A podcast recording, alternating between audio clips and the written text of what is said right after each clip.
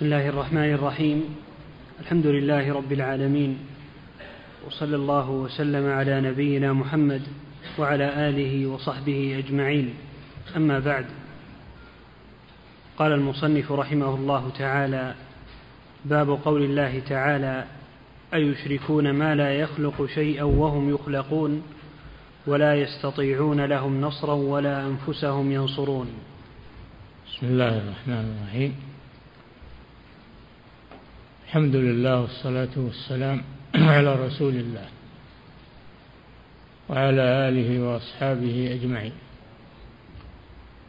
في هذه الآية ينكر الله جل وعلا على المشركين الذين اتخذوا معه آلهة في العبادة يعبدونهم مع الله وسووهم بالله سبحانه وتعالى الذي ليس كمثله شيء وهو السميع البصير. فلذلك يندمون يوم القيامة ويقولون لمعبوديهم تالله إن كنا لفي ضلال مبين إذ نسويكم برب العالمين. عرفوا خطأهم ولكن لا حيلة لهم. أغلق باب التوبة وواجهوا الحساب واستحقوا العذاب وإنما يتلاومون فيحلفون بالله إنهم لفي ضلال مبين في الدنيا حيث سووا مع رب العالمين ما لا يساويه من خلقه. ولهذا قال أيشركون ما لا يخلق شيئا؟ الخلق لا يقدر عليه إلا الله سبحانه وتعالى. وهؤلاء المعبودات لا تخلق شيئا. كيف تعبد مع الخالق؟ الذي لا يعجزه شيء. قال تعالى إن الذين تدعون من دون الله لن يخلقوا ذبابا ولو اجتمعوا له. وإن يسلبهم الذباب شيئا لا يستنقذوه منه. ضعف الطالب والمطلوب. ضعف الطالب وهو المشرك والمطلوب وهو الذباب. ففي هذا بيان لبطلان الشرك لأنه تسوية للمخلوق بالخالق وتسوية للعبد بالرب رب كل شيء فيسوونهم مع الله سبحانه أيشركون؟ هذا استفهام إنكار. يشركون ما لا يخلق شيئا. شيئا أي شيء. كلمة نكرة في سياق الاستفهام تعم كل شيء. لا يستطيعون أن يخلقوا شيئا ولو قل. وهم يخلقون هم مخلوقون. هذه المعبودات كلها مخلوقة سواء الجامد منها أو المتحرك أو الإنسان أو غير الإنسان كلها مخلوقة. فكيف يسوى المخلوق العاجز بالخالق القادر على كل شيء؟ أيشركون؟ ما لا يخلق شيئا وهم يخلقون ولا يستطيعون لهم نصرا. هم يعبدونهم لينتصروا بهم لكن إذا ألمت الملمات فإن هذه المعبودات لا تخلصهم ولا تنصرهم لأنها عاجزة ولا يبقى إلا الله سبحانه وتعالى هو الذي يخلص من الشدائد. ولذلك إذا وقعوا في الشدة أخلصوا الدعاء لله. لعلمهم أنه لا يقدر على الإنقاذ من الشدة إلا الله سبحانه وتعالى. فإذا جاء الرخاء أشركوا بالله. إذا جاء الرخاء أشركوا بالله. أما في الشدة فيخلصون الدعاء لله عز وجل. أيشركون ما لا يخلق شيئا؟ وهم يخلقون. ولا يستطيعون لهم نصرا حينما يقعون في كربة أو في شدة. ولا أنفسهم ينصرون. إذا أصيب واحد من هؤلاء المعبودات أو المعبودين ما يستطيع أن ينتصر لنفسه وأن يدافع عن نفسه. فهم عاجزون من كل وجه. ولا يملكون لهم أي لعابديهم نصرا ولا أنفسهم ينصرون. فبطلت عبادة هؤلاء. نعم. قوله أيشركون أي في العبادة.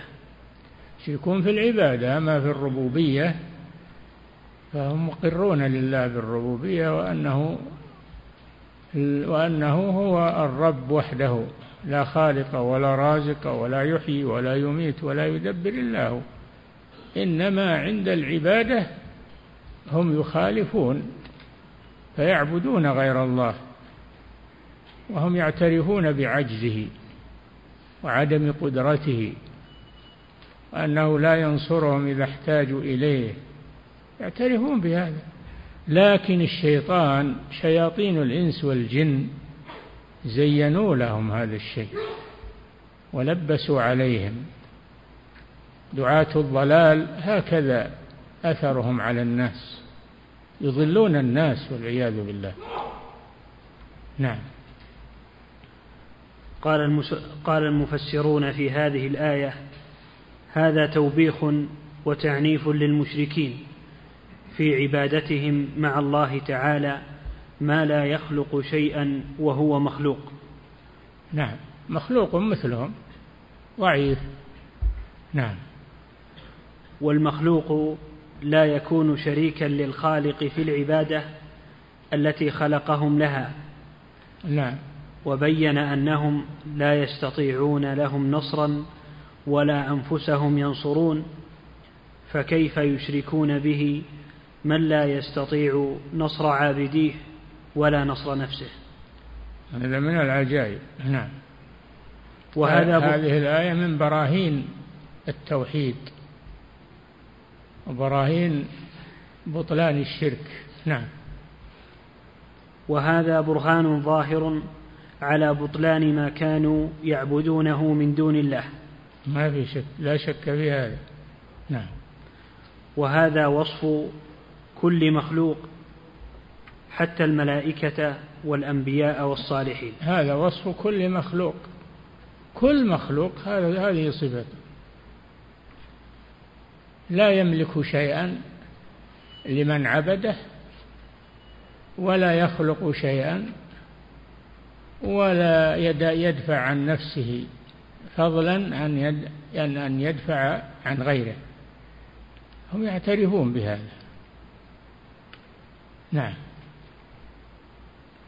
وأشرف الخلق محمد صلى الله عليه وسلم قد كان يستنصر ربه على المشركين ويقول اللهم أنت عضدي ونصيري بك أحول وبك أصول وبك أقاتل.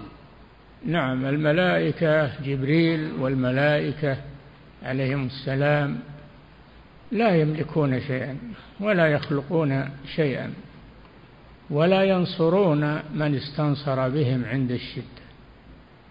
وكذلك الأنبياء والمرسلون من بني آدم وأشرفهم وأفضلهم محمد صلى الله عليه وسلم.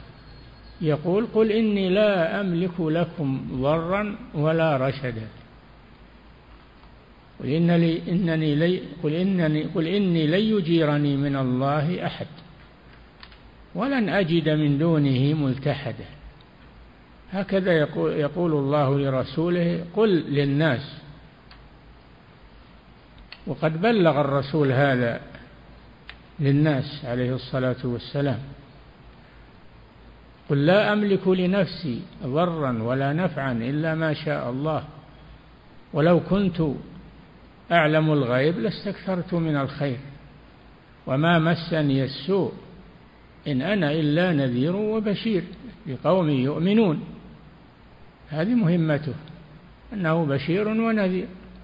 أما أنه يملك للناس الضر والنفع هذا لله عز وجل لله وحده. ولذلك الرسول عليه الصلاة والسلام يستنصر بربه إذا إذا واجه الكفار والتقى الجمعان يستنصر ربه ويدعو ربه ويتضرع إليه أن ينصر المسلمين كما حصل منه في بدر عليه الصلاة والسلام.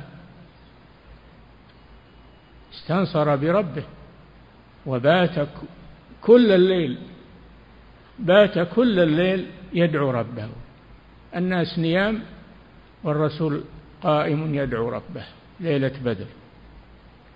حتى سقط رداؤه من على كتفيه من شدة الابتهال إلى الله. هذا الرسول صلى الله عليه وسلم يدعو ربه ويتضرع إليه أن ينصره وينصر المسلمين على الكفار. نعم. وهذه الآية كقوله تعالى واتخذوا من دونه آلهة لا يخلقون شيئا وهم يخلقون ولا يملكون لأنفسهم ضرا ولا نفعا ولا يملكون موتا ولا حياة ولا نشورا. اتخذوا أي المشركون؟ اتخذ المشركون من دونه آلهة آلهة معبودة يعبدونهم. لا يملكون لأنفسهم. هؤلاء المعبودين المعبودون لا يملكون لأنفسهم فضلا عن أن يملكوه لغيرهم. لا يملكون لأنفسهم ضرا ولا نفعا. هذا لله سبحانه وتعالى. ولا يملكون موتا ولا حياة ولا نشورا يعني البعث. ما يقدرون أن يحيوا الأموات من قبورهم. كل هذا لله عز وجل. ومن أفعاله سبحانه. فكيف يعبدون مع الله سبحانه وتعالى؟ الرسل ما جاءوا ليعبدوا مع الله إنما جاءوا ليبلغوا الناس ليبلغوا الناس دعوة ربهم أن يعبدوا الله وحده لا شريك له. أن يعبدوا الله وحده لا شريك له. نعم. وقوله قل إني لا أملك لكم ضرا ولا رشدا. قل إني لن يجيرني من الله أحد ولن أجد من دونه ملتحدا إلا بلاغا من الله ورسالاته. هذا الذي يملكه البلاغ أني أبلغكم رسالات ربي. أبلغكم رسالات ربي. هذا الذي يملكه الرسول صلى الله عليه وسلم. إلا بلاغا من الله ورسالاته. وهذه مهمته صلى الله عليه وسلم. فأين الذين الآن يلجؤون إلى القبور وإلى الأموات يستغيثون بهم ويطلبون منهم حوائجهم؟ هل نسوا هل نسوا القرآن؟ لا هم يحفظون القرآن. قد يحفظونه بالقراءات السبع أو العشر ولكنهم لا يتأملون القرآن. مجرد تلاوة من غير أن يفهموا معناه أو يتفهموا معناه. ما ما الفائدة إذا من تلاوة القرآن؟ إذا لم تستفد منه تعمل به فإنه يكون حجة عليك يوم القيامة. يدفعك إلى النار. كما في الحديث. ولهذا أخبر النبي صلى الله عليه وسلم أن القرآن يكون خصما يوم القيامة لمن حمله ولم يعمل به حتى يقال ما يزال يحاج عند الله حتى يقال له شأنك به. فيأخذه فلا يدعه حتى يكبه في النار. الرسول صلى الله عليه وسلم يقول والقرآن حجة لك أو عليك. حجة لك إن عملت به أو عليك إن أعرضت عنه. صار مالك عذر. القرآن واضح. ومع هذا قليل من الناس من يلتفت للقرآن ويعمل به. كما يجب ويستفيد من القرآن. أو كما قال الله في, اليهود الذين حملوا التوراة ثم لم يحملوها فمثلهم كمثل الحمار يحمل أسفارا. الحمار لو تحمل عليه يعني الأسفار الكثيرة من الكتب ما يدري يشلي فيها. ما يدري يشلي فيها. بل تثقله ولا يدري وش فيها. وهذا مثل من يحمل كتاب الله ولا يستفيد منه ولا يعمل به. مثل الحمار. مثل الحمار أبلد. الحمار أبلد الحيوانات. فهذا أبلد بني آدم. نعم. وقوله قل لا أملك لنفسي نفعا ولا ضرا إلا ما شاء الله ولو كنت أعلم الغيب لاستكثرت من الخير وما مسني السوء إن أنا إلا نذير وبشير لقوم يؤمنون. نعم. هذه الآية واضحة في إقامة الحجة على المشركين الذين يتعلقون بالأنبياء وبالملائكة وبالأولياء والصالحين. يظنون أنهم يملكون من الأمر شيء وأنهم ينفعون ويضرون. فيها رد عليهم واضح لكن يقرؤونها ولا يلتفتون إليها ولا إلى معناها نعم. فكفى بهذه الآيات برهانا على بطلان دعوة غير الله كائنا من كان. أي نعم هذه الآية من براهين التوحيد. ومن براهين بطلان الشرك والآيات في هذا كثيرة الآيات في هذا كثيرة في القرآن تأمر بالتوحيد وتنهى عن الشرك تضرب الأمثلة ولكن أين من أين من يلتفت لمعاني القرآن؟ نعم إلا ما شاء الله. نعم. فإن كان نبيا أو صالحا فقد شرفه الله تعالى بإخلاص العبادة له والرضا به ربا ومعبودا. فكيف يجوز أن يجعل العابد معبودا؟ يجعل. فكيف يجوز أن يجعل العابد معبودا؟ كيف يجوز أن يجعل العابد من الملائكة أو من الرسل أو من الصالحين معبودا مع الله سبحانه وتعالى؟ وهو عابد عبد. يشرك مع الخالق ومع الرب سبحانه. نعم. فكيف يجوز أن يجعل العابد معبودا مع توجيه الخطاب إليه بالنهي عن هذا الشرك؟ مع أن الرسول وجه أن ينهى عن هذا الشرك. ينهاهم ولا ينتهون. ينهاهم عن الشرك ولا ينتهون. يقولون يا محمد يا رسول الله يا فلان يا فلان. ويتضرعون إلى الأموات وهم يسيرون إلى جهنم والعياذ بالله ولا يشعرون بذلك. نعم. كما قال تعالى ولا تدع مع الله إلها آخر لا إله إلا هو كل شيء هالك إلا وجهه له الحكم وإليه ترجعون. ولا تدع مع الله إلها آخر. هذا دل على أن من دعا مخلوقا فقد اتخذه إلها آخر لأن الدعاء لله عز وجل وهو أخص أنواع العبادة. هو الدعاء هو العبادة كما قال الرسول صلى الله عليه وسلم يعني أشرف أنواع العبادة. الرسل مهمتهم أنهم يدعون الله عز وجل. لا أنهم يدعون مع الله. إذا كان هذا في الرسل والملائكة فكيف بمن دونهم من الأولياء والصالحين؟ نعم. وقال إن الحكم إلا لله. إن الحكم إلا لله. إن بمعنى ما نافية. أي ما الحكم إلا لله سبحانه وتعالى.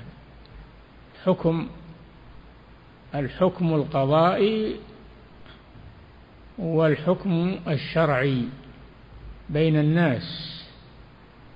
الله هو الذي يحكم بين عباده سبحانه وتعالى ويقضي بينهم وهو الذي يشرع لهم الشرائع التي فيها حياتهم وفيها نفعهم وفيها خيرهم. هذا الحكم لله سبحانه وتعالى. نعم. إن الحكم إلا لله أمر ألا تعبدوا إلا إياه. إن الحكم إلا لله. ومن حكمه أنه أمر ألا تعبدوا إلا إياه. نعم. فقد أمر الله فقد أمر عباده من الأنبياء والصالحين وغيرهم بإخلاص العبادة له وحده. نعم الله جل وعلا يقول لن يستنكف المسيح. المسيح عيسى بن مريم. لن يستنكف يعني عيسى بن مريم لا يأنف أن يكون عبدا. لن يستنكف المسيح عيسى بن مريم أن يكون عبدا لله ولا الملائكة المقربون. ومن يستنكف عن عبادته ويستكبر فسيحشرهم إليه جميعا. نعم. فقد أمر عباده من الأنبياء والصالحين وغيرهم بإخلاص العبادة له وحده ونهاهم أن يعبدوا معه غيره. نعم. وهذا هو دينه الذي بعث به رسله. وهو التوحيد وأمر الناس بذلك. نعم. وأنزل به كتبه. نعم الكتب التي أنزلها الله كلها تدعو إلى التوحيد. اولا وقبل كل شيء. تأمل القرآن تجد أكثره تجد أكثره في التوحيد والدعوة إليه التحذير من الشرك. ما تخلو آية من ذلك وما تخلو سورة من ذلك. نعم. ورضيه لعباده وهو الإسلام. الله رضي الإسلام دينا للمسلمين. كما قال جل وعلا ورضيت لكم الإسلام دينا فهو الدين الذي رضيه الله لنا. فكيف نطلب غير الإسلام وغير ملة محمد صلى الله عليه وسلم؟ كيف نتبع الولي فلان و الرئيس فلان أو العالم الفلاني؟ ما, ما لهم من الأمر شيء. ولن ينفعونا عند الله شيئا يوم القيامة. نعم. يوم القيامة يتبرؤون. من تعلق بهم وعبدهم يتبرؤون. نعم. كما روى البخاري عن أبي هريرة رضي الله عنه في سؤال جبرائيل عليه السلام قال يا رسول الله ما الإسلام؟ قال الإسلام أن تعبد الله ولا تشرك به شيئا وتقيم الصلاة وتؤتي الزكاة المفروضة وتصوم رمضان. الحديث. نعم. جبريل عليه السلام جاء إلى محمد صلى الله عليه وسلم وهو في أصحابه دخل عليه وهو جالس بين أصحابه بصورة رجل. صورة رجل لأنهم لا يطيقون رؤية الملك على خلقته ما يطيقون هذا. فيأتيهم بصورة رجل لكن هذا الرجل ليس عليه أثر السفر هو لا يعني شديد بياض الثياب شديد سواد الشعر لا يرى عليه أثر السفر حتى يقال جاء من بعيد ولا يعرفه منا أحد. كيف؟ ما يعرفونه هو مع ما جاء من بعيد. هذا من العجائب. ولا يعرفه منا. فجلس إلى النبي صلى الله عليه وسلم بحضرة أصحابه يريد أن يعلم أمة محمد صلى الله عليه وسلم. فقال يا محمد أخبرني عن الإسلام. قال الإسلام أن تعبد الله ولا تشرك به شيئا وتقيم الصلاة وتؤتي الزكاة وتصوم رمضان تحج البيت إن استطاع إن استطعت إليه سبيلا. فذكر أركان الإسلام الخمسة. قال صدقت. قال الحاضرون فعجبنا له. يسأله ويصدقه. إذا ما هو بجاهل كيف يسأل؟ قال أخبرني عن الإيمان. قال الإيمان أن تؤمن بالله وملائكته وكتبه ورسله واليوم الآخر وتؤمن بالقدر خيره وشره.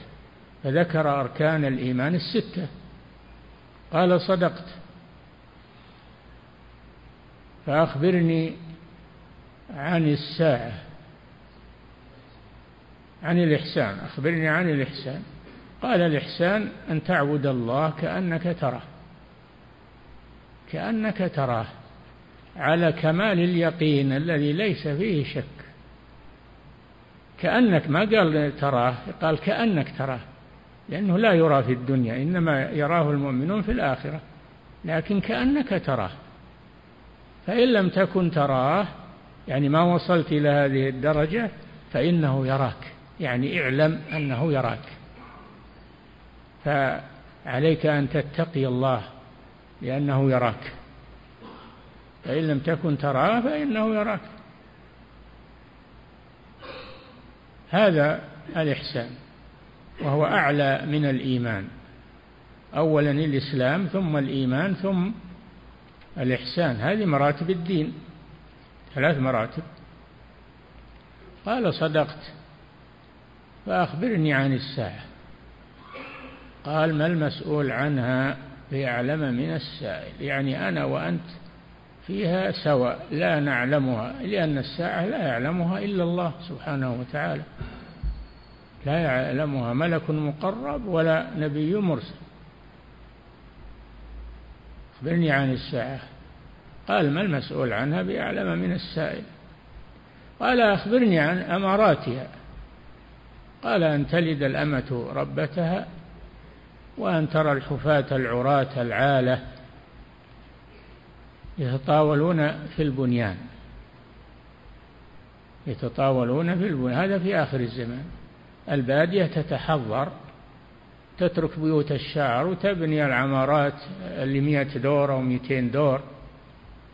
تطاولون في البنيان. هذا من علامات الساعة.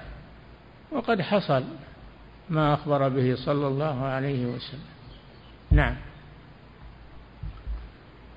قال المصنف رحمه الله تعالى وقوله والذين تدعون من دونه ما يملكون من قطمير إن تدعوهم لا يسمعوا دعاءكم. ذلكم الله ربكم له الملك. ذلكم الله ربكم له الملك الملك الكامل. والذين تدعون من دونه هذا عام لكل مدعو من دون الله من الملائكة وغيرهم. ما يملكون من قطمير. القطمير هو السلب الذي على نواة التمر. شيء تافه ما له قيمة. ما يملكون من قطمير. ثم قال إن تدعوهم لا يسمعوا دعاءكم لأنهم أموات في قبورهم. ولو سمعوا ما استجابوا لكم ما يقدرون على الإجابة. ويوم القيامة يكفرون بشركهم يتبرؤون منكم ولا ينبئك مثل خبير وهو الله سبحانه وتعالى. نعم. والذين تدعون من دونه ما يملكون من قطمير إن تدعوهم لا يسمعوا دعاءكم ولو سمعوا ما استجابوا لكم ويوم القيامة يكفرون بشرككم ولا ينبئك مثل خبير. نعم. يخبر تعالى عن حال المدعوين من دونه من الملائكة والأنبياء والأصنام وغيرها بما يدل على عجزهم وضعفهم وأنهم قد انتفت عنهم الأسباب التي تكون في المدعو وهي الملك وسماع الدعاء والقدرة على استجابته فمتى لم توجد هذه الشروط تامة بطلت بطلت دعوته؟ فكيف نعم. إذا عدمت بالكلية؟ نعم. فنفى عنهم الملك بقوله ما يملكون من قطمير. نعم. قال ابن عباس ومجاهد وعكرمة وعطاء والحسن وقتادة القطمير اللفافة التي تكون على نواة التمر. نعم. كما قال تعالى ويعبدون من دون الله ما لا يملك لهم رزقا من السماوات والأرض شيئا ولا يستطيعون. وقال قل ادعوا الذين زعمتم من دون الله لا يملكون مثقال ذرة في السماوات ولا في الأرض وما لهم فيهما من شرك وما لهم منهم من ظهير ولا تنفع الشفاعة عنده إلا لمن أذن له. ما بقي شيء يتعلقون به. لا يملكون شيئا. ولا يشاركون المالك وهو الله سبحانه وتعالى. ما لهم فيهما من شرك. وما له منهم من ظهير. لا يعينون الله. الله غني عنهم. غني عنهم سبحانه وتعالى. حتى يقال هذا وزير الملك أو هذا مقرب إلى الله فهو يملك لي. لا ما يملكون ما يملكون من قطمير إن تدعوهم لا يسمعوا دعاءكم ولو سمعوا ما استجابوا لكم ويوم القيامة يكفرون بشرككم ولا ينبئك مثل خبير. ذلكم الله ربكم له الملك. والذين تدعون من دونه شوف ما يملكون من قطمير الملك لله عز وجل. فكيف يدعى غيره سبحانه وتعالى؟ نعم. ونفى عنهم سماع الدعاء بقوله إن تدعوهم لا يسمعوا دعاءكم. نعم. لأنهم ما بين ميت وغائب عنهم مشتغل بما خلق له مسخر بما أمر به كالملائكة. نعم. ثم قال ولو سمعوا ما استجابوا لكم لأن ذلك ليس إليهم فإن الله تعالى لم يأذن لأحد من عباده في دعاء أحد منهم. نعم. لا استقلالا ولا واسطة كما تقدم بعض أدلة ذلك. نعم. وقوله ويوم القيامة يكفرون بشرككم فتبين بهذا أن دعوة غير الله شرك. أي نعم. وقال تعالى واتخذوا من دون من دون الله آلهة ليكونوا لهم عزا. كلا سيكفرون بعبادتهم ويكونون عليهم ضدا. يعني هذا في يوم القيامة. نعم. وقوله ويوم القيامة يكفرون بشرككم. قال ابن كثير يتبرؤون منكم. كما قال تعالى ومن أضل ممن يدعو من دون الله من لا يستجيب له إلى يوم القيامة وهم عن دعائهم غافلون وإذا حشر الناس كانوا لهم أعداء وكانوا بعبادتهم كافرين نعم. قال وقوله ولا ينبئك مثل خبير أي ولا يخبرك بعواقب الأمور ومآلها وما تصير إليه مثل خبير بها. قال وهو قتادة. وهو الله سبحانه وتعالى. نعم. قال قتادة يعني نفسه تبارك وتعالى فإنه أخبر بالواقع لا محالة. نعم. قلت والمشركون لم يسلموا للعليم الخبير ما أخبر به عن معبوداتهم فقالوا تملك وتسمع وتستجيب وتشفع لمن دعاها ولم يلتفتوا إلى ما أخبر به الخبير من أن كل معبود يعادي عابده يوم القيامة ويتبرأ منه كما قال تعالى هم يضادون الله في قوله يقولون لا تملك وهي هي تعين و وتخلق وترزق وإلى آخره. هم يضادون الله. في في إخباره سبحانه وتعالى. نعم. ولم يلتفتوا إلى ما أخبر به الخبير من أن كل معبود يعادي عابده يوم القيامة ويتبرأ منه كما قال تعالى ويوم نحشرهم جميعا ثم نقول للذين أشركوا مكانكم أنتم وشركاؤكم فزيلنا بينهم وقال شركاؤهم ما كنتم إيانا تعبدون فكفى بالله شهيدا بيننا وبينكم إن كنا عن عبادتكم لغافلين. هنالك تبلو كل نفس ما أسلفت وردوا إلى الله مولاهم الحق وضل عنهم ما كانوا يفترون. هذا المآل يوم القيامة. نعم. أخرج ابن جرير رحمه الله عن ابن جريج قال قال مجاهد إن كنا عن عبادتكم لغافلين. قال يقول ذلك كل شيء كان يعبد من دون الله. نعم كل من عبد من دون الله ينكر يوم القيامة يقول ما درينا ولا عرفنا هذا ولا أمرناكم به. نعم. فالكيس يستقبل هذه الآيات التي هي الحجة والنور والبرهان بالإيمان والقبول والعمل. ما في شك. كلام رب العالمين ما بعد كلام. براهين قاطعة على بطلان الشرك. نعم. فالكيس يستقبل هذه الآيات. الكيس يعني العاقل. نعم. فالكيس يستقبل هذه الآيات. التي هي الحجة والنور والبرهان بالإيمان والقبول والعمل. نعم. فيجرد أعماله لله وحده دون كل ما دون كل ما سواه. نعم. ممن لا يملك لنفسه نفعا ولا دفعا فضلا عن غيره. نعم.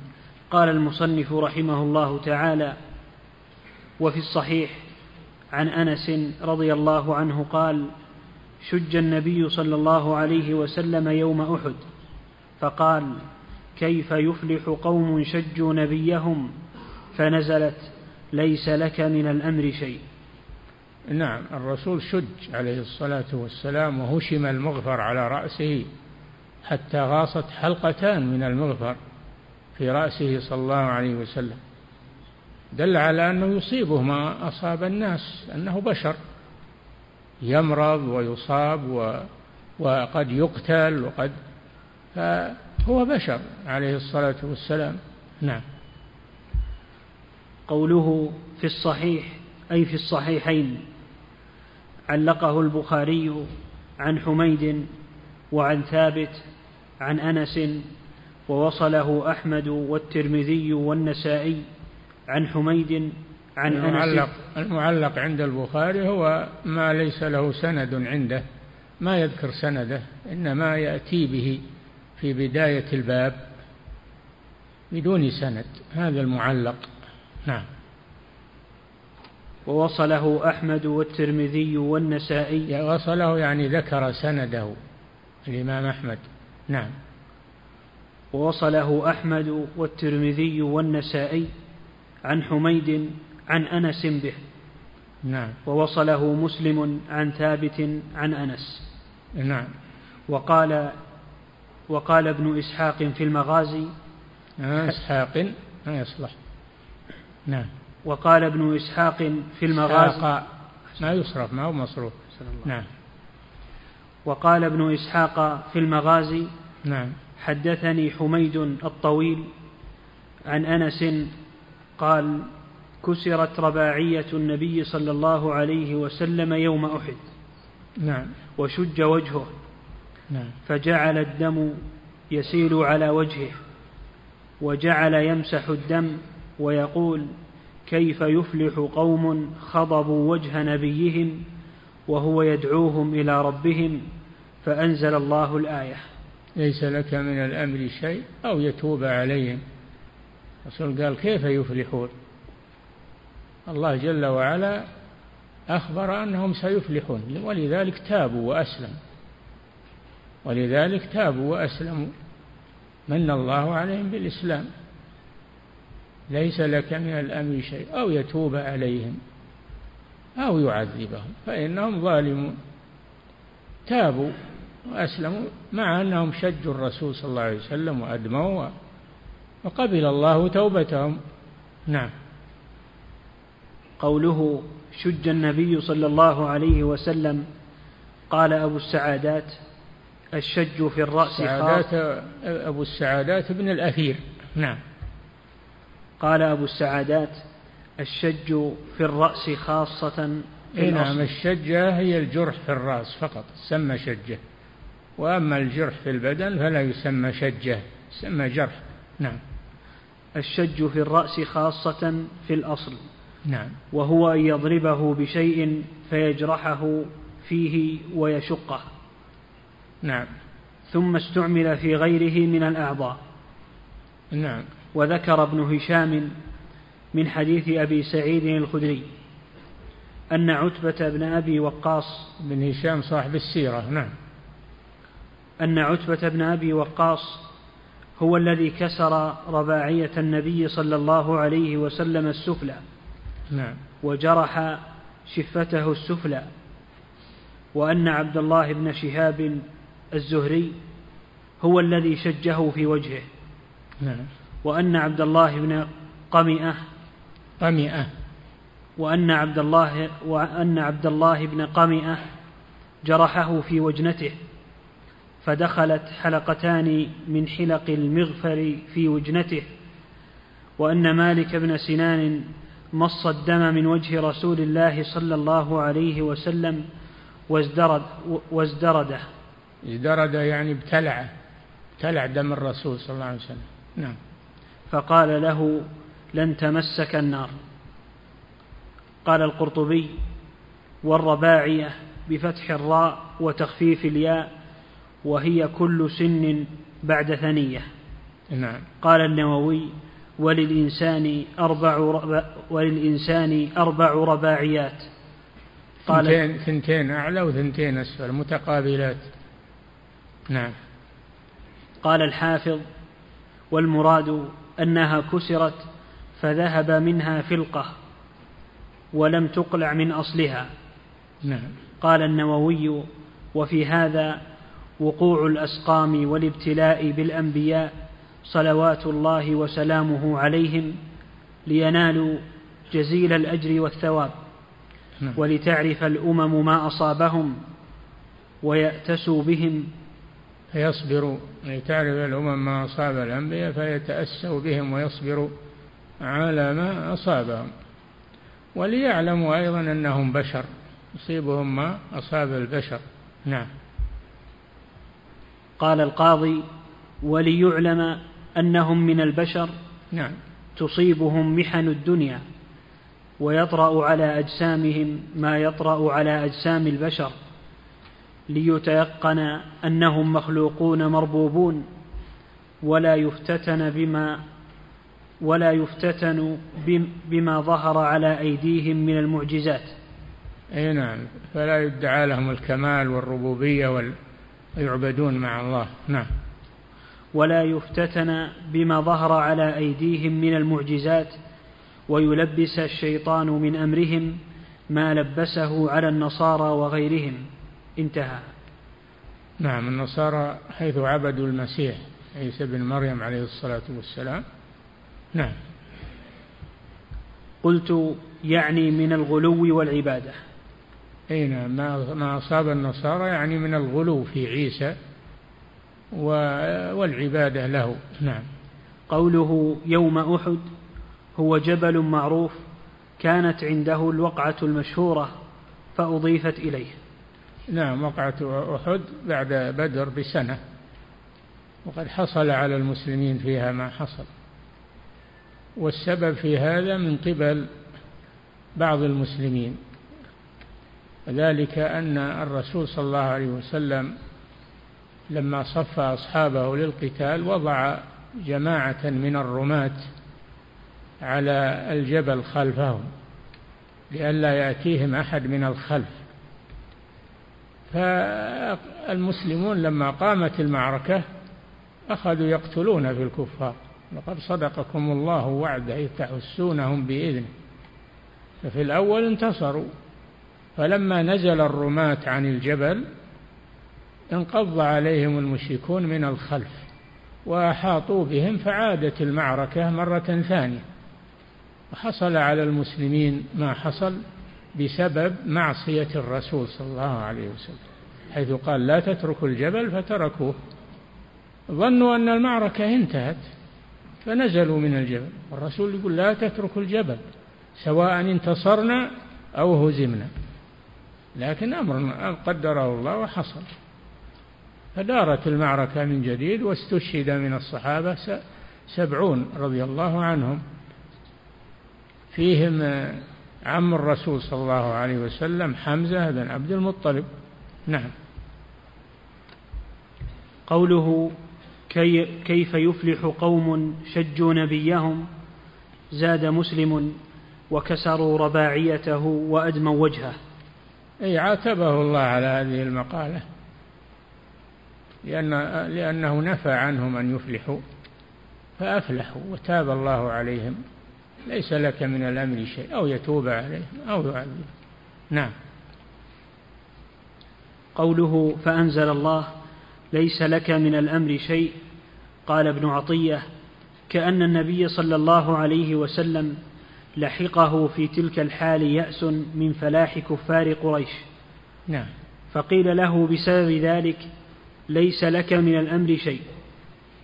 أي عواقب الأمور بيد الله فامض أنت لشأنك. نعم. ودم على الدعاء لربك. وقال ابن إسحاق ليس لك من الأمر شيء في عبادي إلا ما أمرتك به فيهم. نعم. قال المصنف رحمه الله تعالى وفيه عن ابن عمر رضي الله عنهما أنه سمع رسول الله صلى الله عليه وسلم يقول إذا رفع رأسه من الركوع في الركعة الأخيرة من الفجر يكفي نقف عند نعم.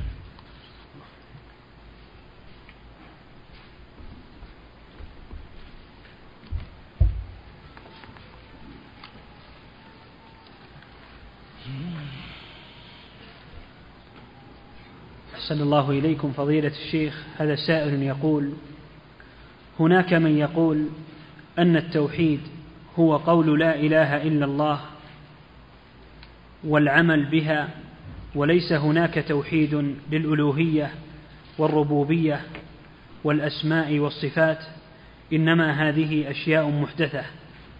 فكيف؟ هذا هو المحدث اللي يقول الكلام هذا هو المحدث والمحدث أيضا. لأنه ما يفهم والعياذ بالله. ما يفهم أنواع التوحيد ولا يفهم القرآن ولا السنة. يجب مثل هذا أن يستر على نفسه ويسكت. نعم. أحسن الله إليكم فضيلة الشيخ. هذا سائل يقول ما الحكم الكوني؟ الحكم الكوني القدري يعني.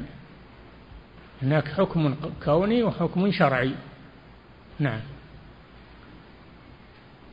أحسن الله إليكم فضيلة الشيخ هذا سائل يقول أنا معلم في إحدى المدارس وأتاني ولي أحد الطلاب وطلب مني عدم ذكر عقائد الشيعة وعدم الرد عليهم في الدرس فماذا أفعل؟ يا أخي أنت تدرس مقرر درس الذي في المقرر. ولو جاك من جاك وقال لا لا تدع. أنت ما تتبع هذا الشخص. أنت عندك منهج ولك مرجع فلا تلتفت إلى قوله. نعم. درس ما في المقرر وبينه للطلاب. نعم. أحسن الله إليكم فضيلة الشيخ. هذا سائل يقول هل يكون شركا ذهابي إلى القاضي العلماني الذي لا يحكم بغير ما أنزل الله. إذا كنت تذهب إليه ليحكم لك بغير حقك فهذا حرام ولا يجوز. أما إن كنت تطالب بحقك ولا تظلم أحدا وليس هناك إلا محكمة آه، نظامية وأنت تخلص حقك فلا بأس بذلك لأنك ما تظلم أحد تطالب بحقك فقط. نعم. أحسن الله إليكم فضيلة الشيخ هذا سائل يقول جاري رجل كبير في السن ولكنه صوفي يزور الأولياء ويشد الرحال إليهم ويحضر الحضرات الصوفية كما يزعمون. وسؤالي هو هل أسلم عليه؟ تبين له يا أخي تبين له أن هذا ضلال وأنه لا يجوز له وأنه الآن على وشك نهاية العمر فعليه أن يبادر بالتوبة إلى الله وأن يخلص العبادة لله ويترك التصوف لأنه مبتدع ويلزم السنة. تبين له تنصحه فإن قبل وإلا فاتركه. لا لا تصاحبه أو تذهب إليه. نعم. أحسن الله إليكم فضيلة الشيخ. هذا سائل يقول ما معنى أن تلد الأمة ربتها؟ اختلف العلماء في تفسيرها فمنهم من يقول إن هذا كناية إنه في آخر الزمان يكثر العقوق يكثر العقوق بحيث إن البنت تتكبر على والدتها كأنها ربتها وكأنها تملكها. هذا من العقوق. وبعضهم يقول المعنى والله أعلم أنه يكثر السبي في آخر الزمان يكثر السبي في آخر الزمان سبي النساء وسبي أولاد المشركين. ومن المعلوم أن مالك ما المملوكة له أن يطأها تلد منه إذا ولدت منه فهي حرة وأمها وأمها مملوكة باقية على الملكية. فالبنت حرة والأم مملوكة. فالبنت تملك سيدتها. نعم. أحسن الله إليكم فضيلة الشيخ. تملك البنت تملك أمها أمها رقيقة وهي حرة. نعم. أحسن الله إليكم فضيلة الشيخ. هذا سائل يقول قول النبي صلى الله عليه وسلم وأن ترى الحفاة العراة العالة, العالة رعاء الشاه يتطاولون في البنيان هل هذا على سبيل الذم فيكون التطاول في, البنيان مذموم؟ التطاول في البنيان مذموم من غير حاجة أما تطاول البنيان للحاجة ما في بس إذا كان لحاجة ما هو للمباهاة لا لا بأس.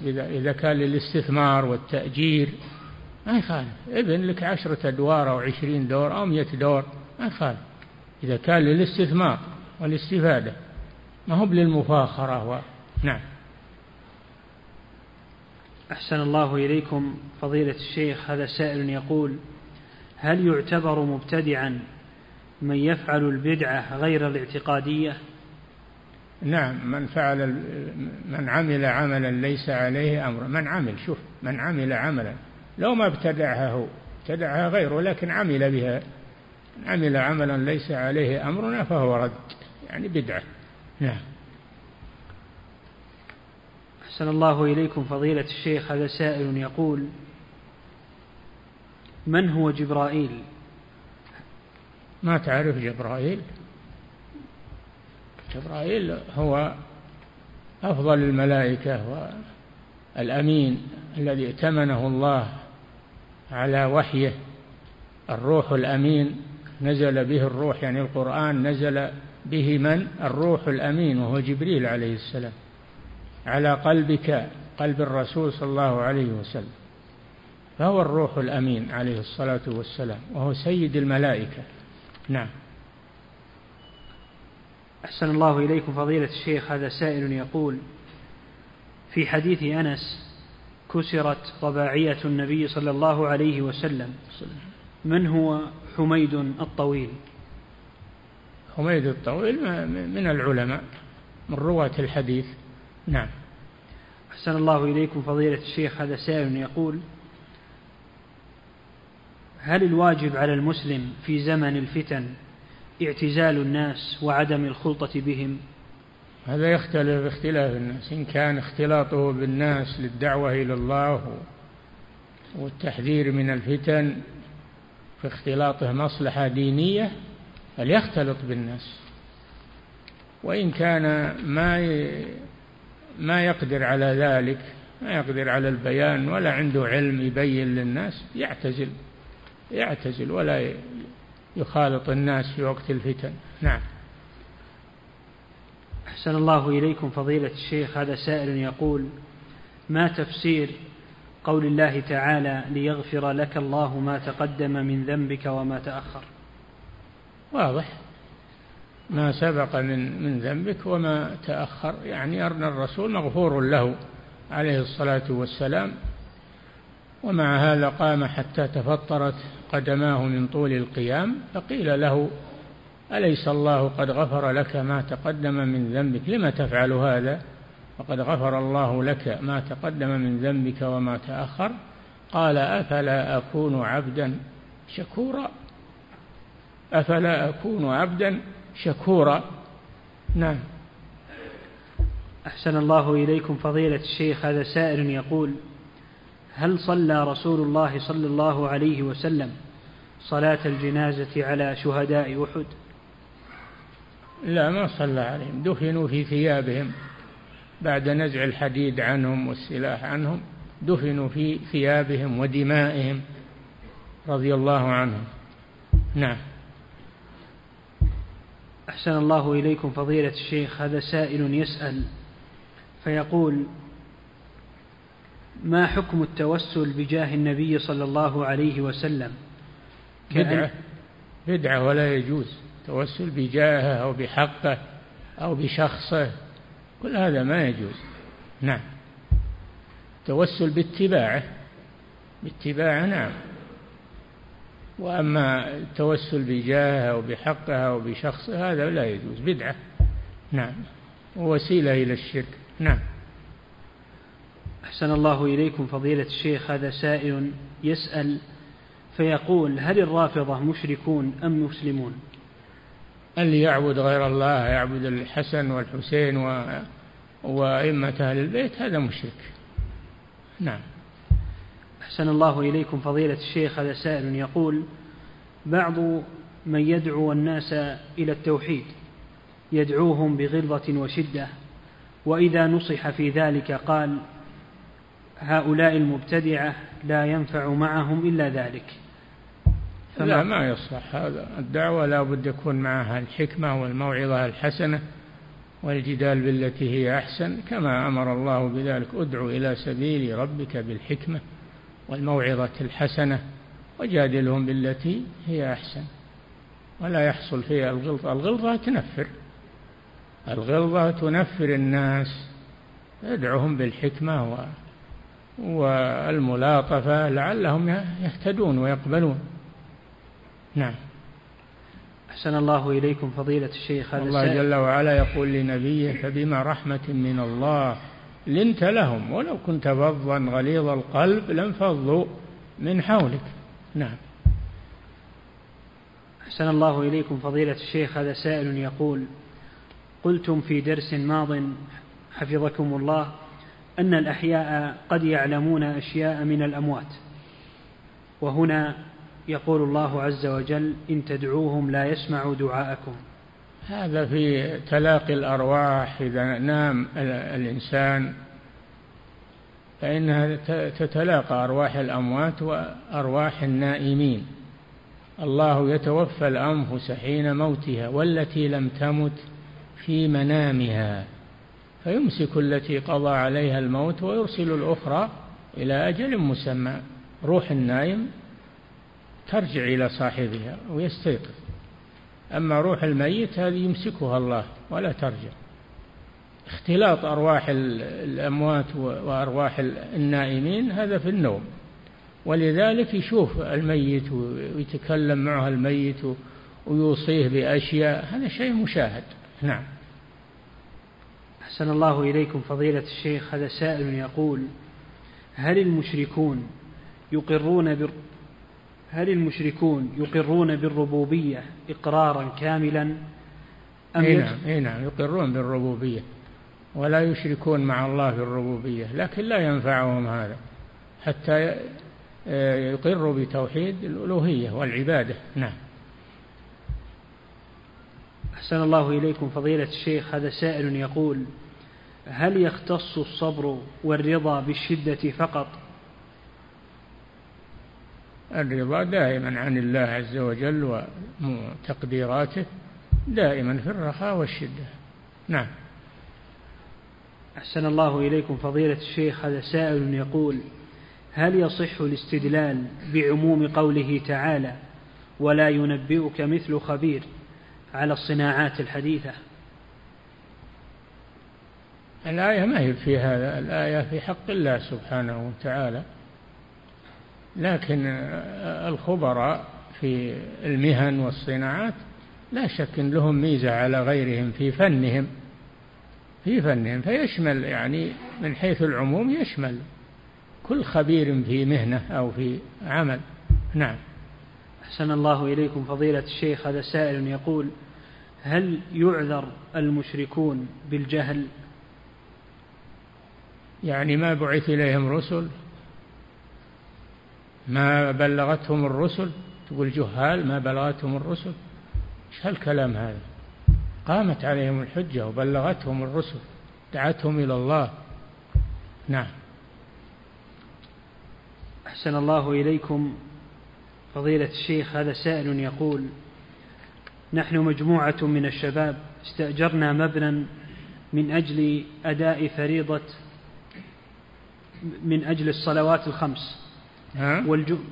يقول استأجرنا مبنى من أجل أداء الصلوات الخمس والجمعة وكانت وكان المكان يباع فيه بضائع من قبل. هذا وين هو فيه؟ ما في مساجد؟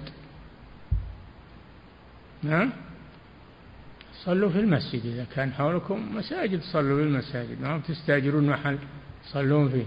إلا إن كان في بلاد ما فيها مساجد. فلا بأس بذلك. نعم.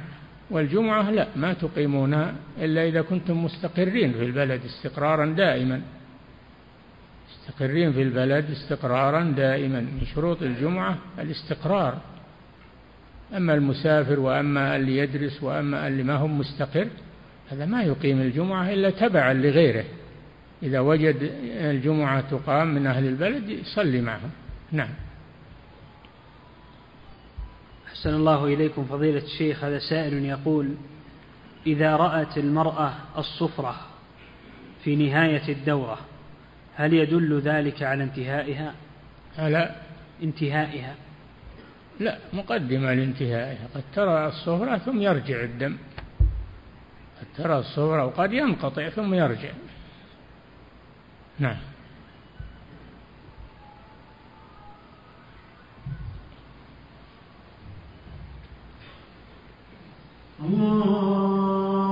الله أكبر.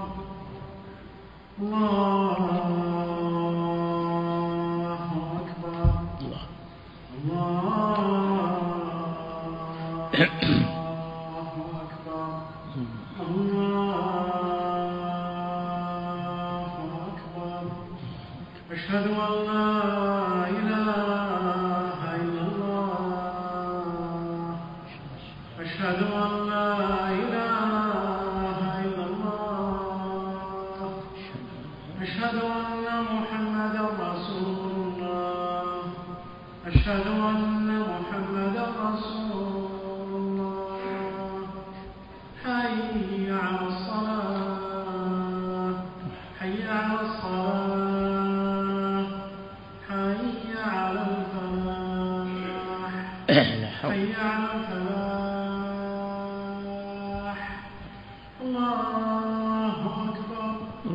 الله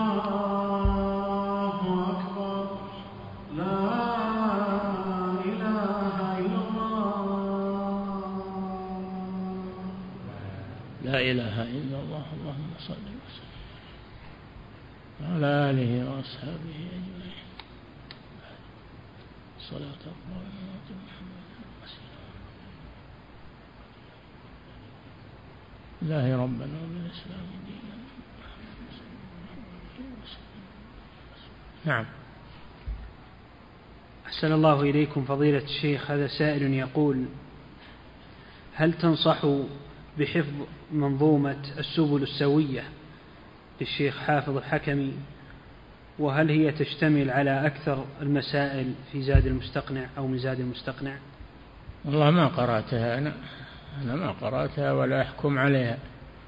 نعم.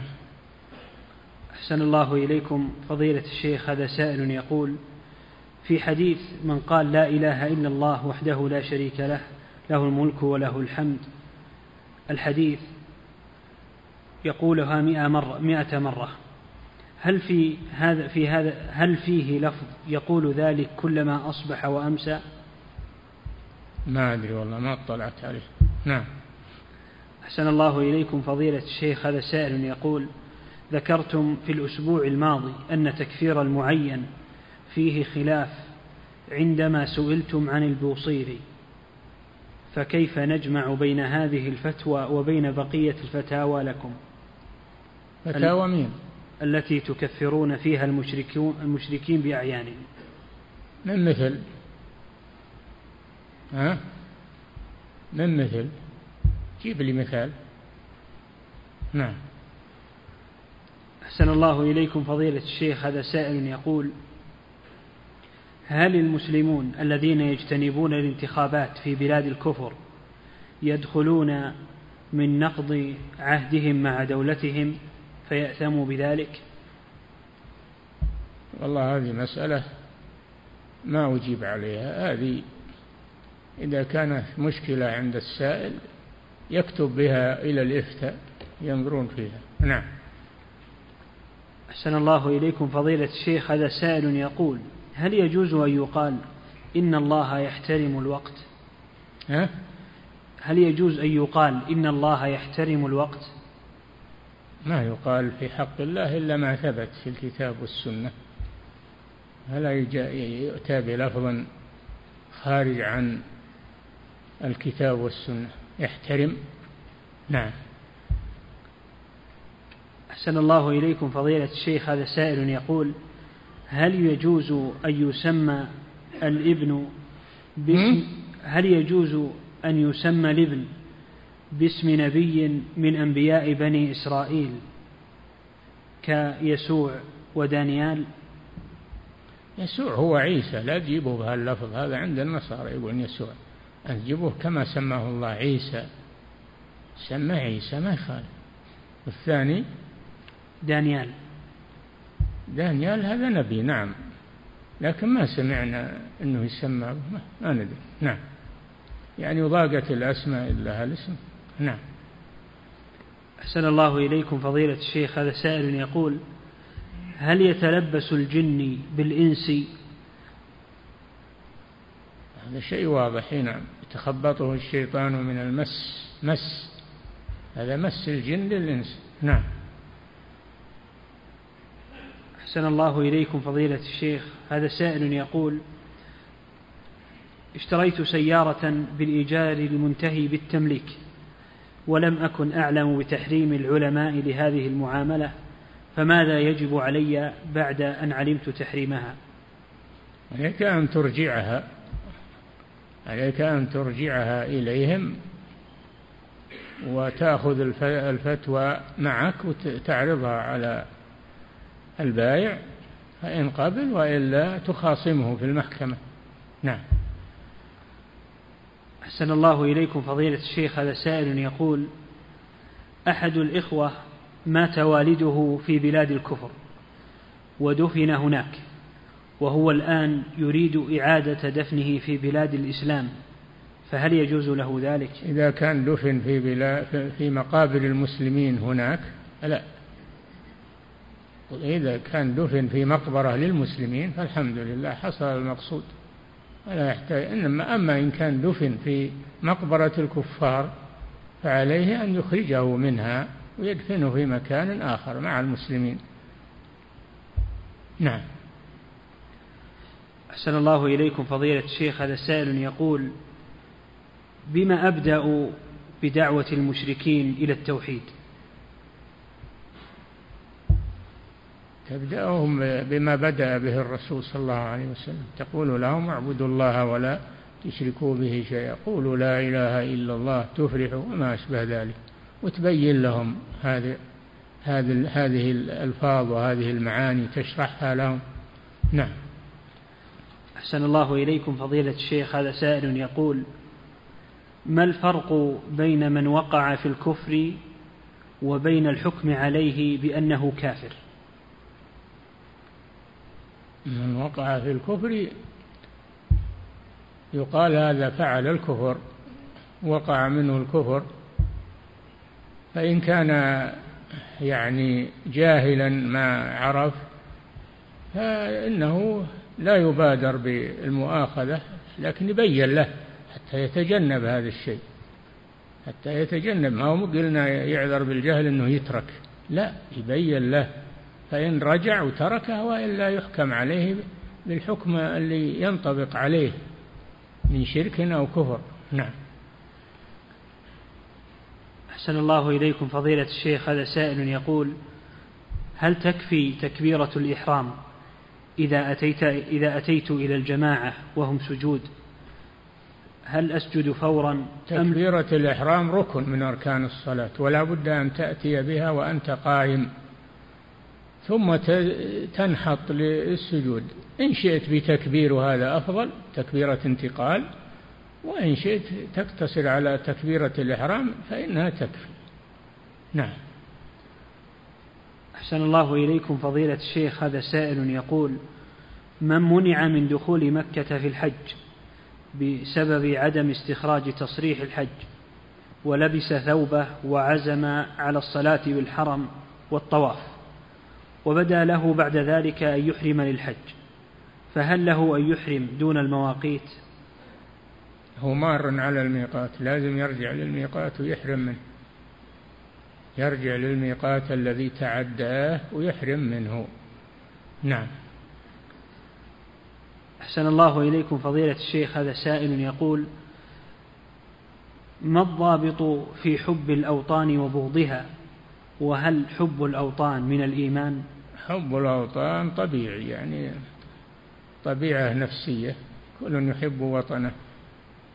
ولربما ولربما منزل في وكم منزل في الأرض يألفه الفتى وحنينه أبدا لأول منزل. هذه طبيعة. فيه لكن إذا كان هذا الوطن له خاصية دينية مثل بلاد مكة بلاد المدينة فهذا حبه من من الإيمان. وأما إذا كان بلدا عاديا فحبه طبيعي ما هو من الإيمان ولا من الكفر طبيعي ما يؤاخذ عليه. نعم.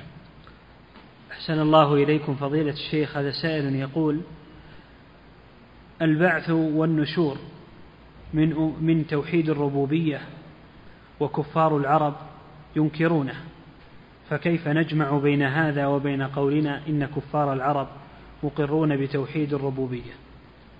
نعم يقرون بتوحيد الربوبية وإن كانوا في بعض المسائل يخالفون لكن على العموم هم يقرون بتوحيد الربوبية. ولئن سألتهم من خلق السماوات والأرض اقرأ القرآن ليقولن الله. إن سألتهم من خلقهم ليقولن الله. فهم يقرون بهذا. في القرآن ذكر هذا عنهم. نعم. أحسن الله إليكم فضيلة الشيخ هذا سائل يقول هل الصحابة رضوان الله عليهم كانوا يخافون على أنفسهم من الشرك الأكبر؟ ما أحد يأمن على نفسه إبراهيم ما أمن على نفسه. قال واجنبني وبني أن نعبد الأصنام. فلا الإنسان ما يزكي نفسه يخاف خاف على نفسه من الزيغ والردة وخاف على نفسه. نعم. أحسن الله إليكم فضيلة الشيخ هذا سائل يقول هل توصف تلاوة القرآن بأنها إبداعية؟ كيف؟ يقول هل توصف تلاوة القرآن بأنها إبداعية؟ ما سمعت هذا. نعم. أحسن الله إليكم فضيلة الشيخ هذا سائل يقول بعض الناس في بلدنا يقولون إنه لا يجوز التفقه والت... إنه لا يجوز لا يجوز التفقه وتقليد العوام على مذهبي الحن... أبي حنيفة والشافعي بدليل أن متأخري أم أن متأخريهم أشاعرة وماتريدية. فهل هذا صحيح؟ يتبعونهم في الفقه يتبعونهم في الفقه. أما في العقيدة فلا يتبعون الأشاعرة ولا الماتريدية. يتبعون أهل السنة والجماعة. أما في الفقه يتبعون مذهب أبي حنيفة أو مذهب مالك أو الشافعي أو أحمد. نعم. أحسن الله إليكم فضيلة الشيخ. هذا سائل يقول إذا نسي المأموم قول التشهد الأخير والصلاة على النبي صلى الله عليه وسلم فماذا يفعل؟ إذا نسي نعم. المأموم التشهد الأخير والصلاة التشهد الأخير لا. التشهد الأخير ركن من أركان الصلاة. لا بد منه. فيأتي به. بعد بعد ما يسلم الإمام يأتي به. إذا سلم الإمام وهو ما أتى بالتشهد الأخير يتأخر. ويأتي بالتشهد الأخير ثم يسلم لأنه ركن. أما التشهد الأول هذا يجب فيه سجود السهو. هذا واجب من واجبات الصلاة. فيه سجود السهو ولا سجود على مأموم إلا تبعا لإمامه سجود السهو نعم.